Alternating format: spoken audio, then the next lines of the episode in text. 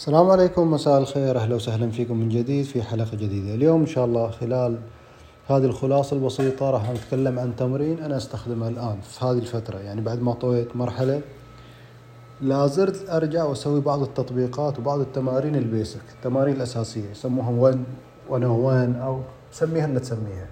هذه التمارين الأساسية البسيطة اللي إذا واحد مارسها واستمر عليها تفرق وياه كثيرا. أنا الآن أستخدمها وقاعد أتمرن عليها باللغة الإنجليزية.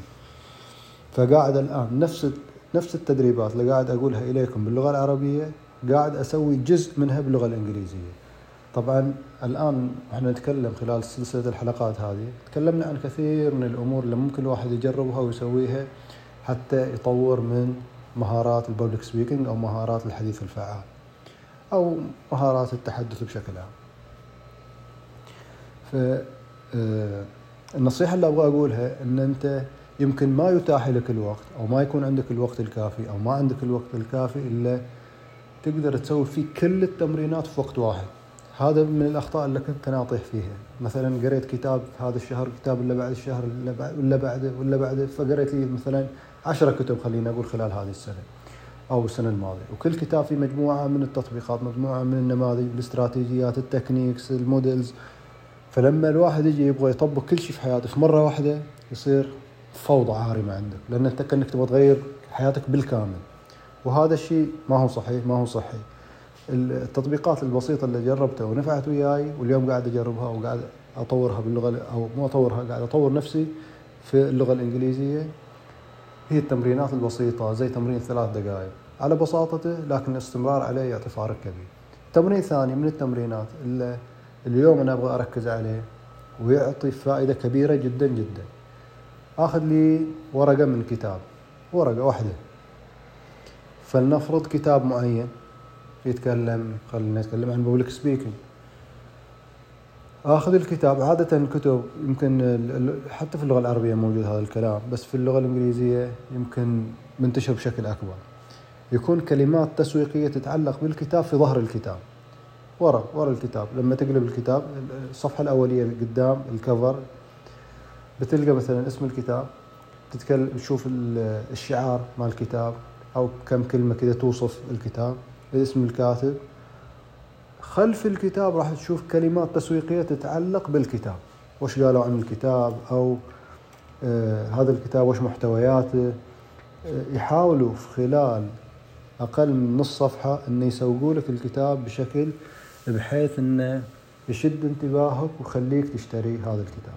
التمرين كالتالي تحاول تقرأ هذا الصفحة بصوت عالي عدة مرات وتركز على الجمل اللي موجود فيها وتحاول تشوف ليش اختار هذه الجمل، إيش معنى ما اختار، وتحاول تغير في الجمل وتشوف نفسك، هل الجمل اللي أنت ممكن تشكلها أفضل من هذه الجمل؟ هل هي بتكون more attractive ولا بتكون لا less attractive؟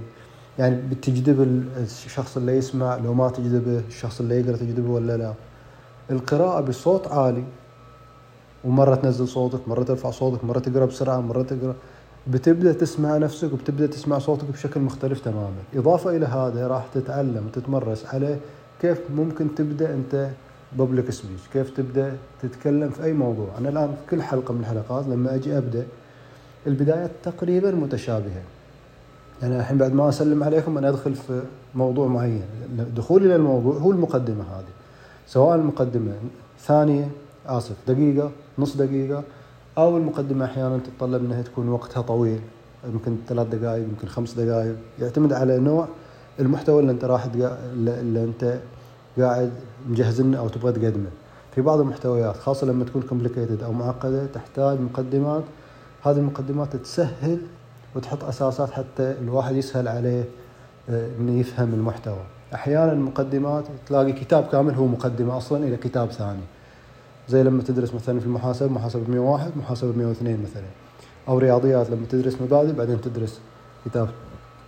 أو مثل يعني في بعض المناهج كذا مصممة ان الكتاب الأول يعتبر كله مقدمة للكتاب الثاني. فعموما اللي أبغى أقوله أنا هذه المقدمات اللي فيها شد انتباه موجود كثير منها إشكال والوان وأنواع كثيرة في الكتب المقروءة. حاول إذا ما لقيت في ظهر الكتاب هذه الصفحة اللي تلخص الكتاب حاول تشوف المقدمة حقت الكتاب. بعد ما تشوف الفهرس أو تشوف تبدأ في الصفحات الأولية بتشوف مقدمة. حاول تقرأ المقدمة حاول تقرأ المقدمة عدة مرات.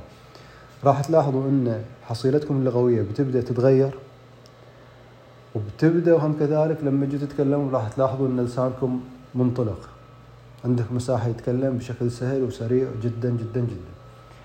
فهذا تمرين من التمرينات الأساسية من التمرينات البسيطة المؤثرة جدا. فأنا أشجعكم أن أنتم تجربوه. وتجربوه مو مرة واحدة جربوه. يعني أنا أتذكر باللغة الإنجليزية لما جيت أجرب هالتمرينات بعض الصفحات أقراهم بالسبع مرات عشر مرات. أحيانا أوقف عند بعض الجمل وأنا أتفكر فيها أقرأ هذه الجمل أربع خمس ست عشر مرات. ما قاعد أحفظهم لا لا مو الهدف إني أحفظهم. الهدف إن أنا أخلي لساني يفتح أخلي مثلا في سلاسة في سهولة أسمع نفسي هل الكلمات عندي متداخلة ولا لا واضحة ولا لا. فلقيت إن هذا يساعدني وساعدني أصلا بشكل كبير جدا إلى درجة إن مع أني لا درست برا ولا تعلمت مثلا في فترة طويلة في معاهد ولا سافرت درست أو سافرت في دول تتكلم اللغة الإنجليزية. لكن اليوم أنا في الشركة أنا أكتب الخطابات باللغة الإنجليزية. العقود مثلا أنا أصممها أصيغها أعمل عليها review الكتابات ال official أنا أسويها. يعني وصلت إلى مرحلة متقدمة وجدا بالنسبة للمكان اللي كنت فيه.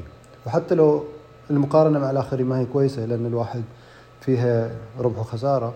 ولكن الواحد لما يقارن مع نفسه ويرجع سنوات وراء يلاحظ الفرق ويلاحظها بشكل واضح. ف نشوفكم إن شاء الله في المقطع الجاي ونتأمل إن أنتم تجربوا حتى تستفيدوا. تحياتي في أمان الله.